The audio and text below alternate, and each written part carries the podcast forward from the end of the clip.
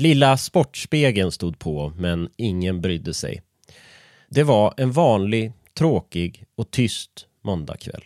På tvn försökte någon kasta bollar i hål. Skulle hon vinna en cykel? Eller skulle det bara bli en ryggsäck? I tv-soffan satt hela familjen med en smygande huvudvärk. De hade ätit fiskpinnar med kokt potatis.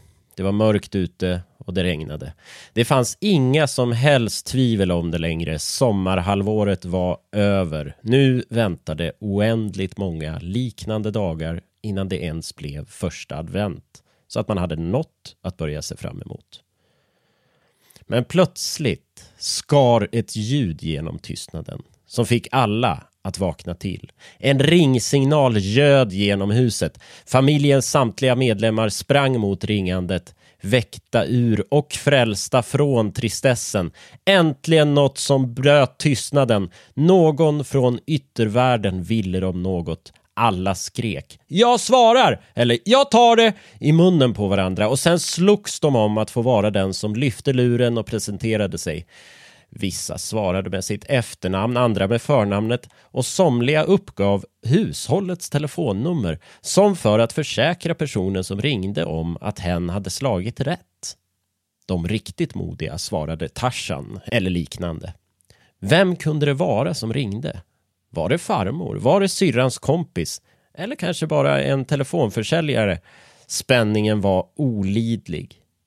Det kanske låter parodiskt där, men vi måste komma ihåg att vi som levde då hade inte så mycket annat att bry oss om en måndagkväll i oktober. Telefonen var det roligaste som fanns. Förutom då så olympiska spelen i Lilla Sportspegeln. Hello? Hello? Yes? Who is this? Mm, who are you trying to reach? What number is this? What number are you trying to reach? I don't know. Well, I think you have the wrong number. Do I? It happens. Take it easy.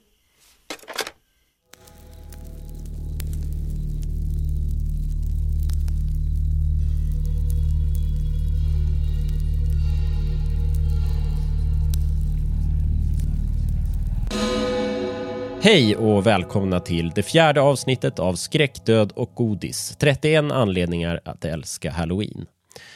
En varje dag-podd under hela oktober fram till Halloween producerad av mig, Albin Boman, med Nevada Media i ryggen. En av anledningarna att jag älskar Halloween är att jag får minnas hemtelefonen. Den har spelat en himla viktig roll i skräckhistorien.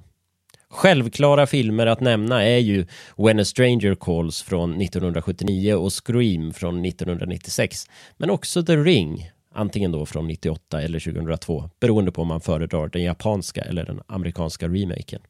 VHSen spelade ju en ännu större roll i den storyn, men telefonen var också viktig för grundpremissen. And as soon as it's over, your phone rings.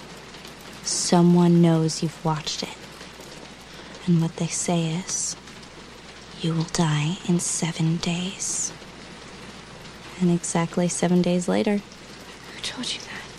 I inledningen av Scream får vi följa Casey, spelad av Drew Barrymore, när hon ensam går genom sina föräldrars stora hus och pratar med en obehaglig och flörtig främling, samtidigt som hon väntar på att hennes popcorn ska bli klara. För Casey ska titta på en scary movie. Kameran följer henne bakifrån. Hon har telefonen i ena handen och liksom i steget när hon passerar bakdörren vrider hon om låsvredet med den andra handen.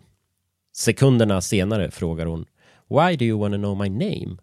och får det jobbiga svaret Because I wanna know who I'm looking at. Det är ett beprövat trick att använda telefoner i skräckfilm.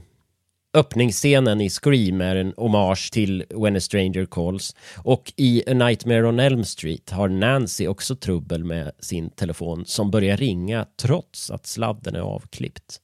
Inte nog med det. Freddy Krueger lyckas till och med slicka med sin otäcka tunga genom telefonluren.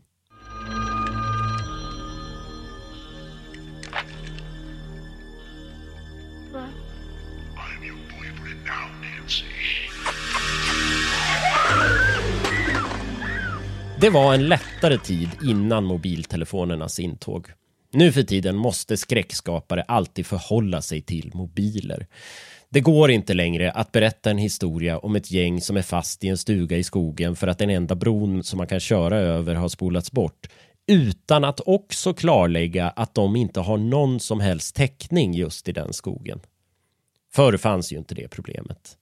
Och ännu längre tillbaka, före nummerpresentatörerna, när det ringde på hemtelefonen visste vi inte vem det kunde vara på andra sidan linjen förrän vi svarade. Telefoner har därför alltid varit ett bra verktyg att använda sig av för att spela på människors rädslor. Det kan vara farmor som ringer, men det kan också vara en främling och den främlingen kan vara en mördare eller en ond ande som berättar att du har sju dagar kvar att leva. Ringsignalen blir nu istället något hotfullt. Den låter plötsligt alldeles för högt. Den blir något som vi inte vill höra. Den skär i öronen på oss. Vi vill vare sig svara eller låta det ringa vidare. Vi vill bara att telefonen ska tystna. Kan inte någon bara klippa av den där jävla sladden? Samtidigt måste vi också få veta vem det är som ringer. För ovissheten är det allra värsta. Kan det vara så att jag har glömt bort hur jäkla jobbigt det egentligen var att ha hemtelefon? Jag har nog förträngt alla de gångerna när det ringde och man fick hjärtat i halsgropen av telefonsignalen. För man visste att samtalet som nu skulle äga rum bara betydde problem. En lärare som ringde hem kom ju sällan med goda nyheter. För att inte tala om dem som fick samtal hem från polis eller sjukhus. Jag är ju också en sån där jobbig jävel som ringer istället för att skicka ett sms. Jag vet, jag vet, alla hatar det beteendet och tycker att det är helt sjukt och jag försöker skärpa mig. Men alltså ni har väl hört den där creepypastan om killen vars flickvän gick bort och en dag började han få massa textmeddelanden från henne. Jag menar det. När man får ett sms har man ju ingen aning om vem som skrivit det egentligen. Man hör inte ens hur personen låter. Och ovissheten var väl värst, eller hur? Nej, tacka vet jag telefonsamtalen då tror jag. Eller inte. Hur som helst, det är i alla fall måndag. Jag har huvudvärk och mår illa av fiskpinnarna. Så jag tackar så mycket för att ni har lyssnat. I'll be right back.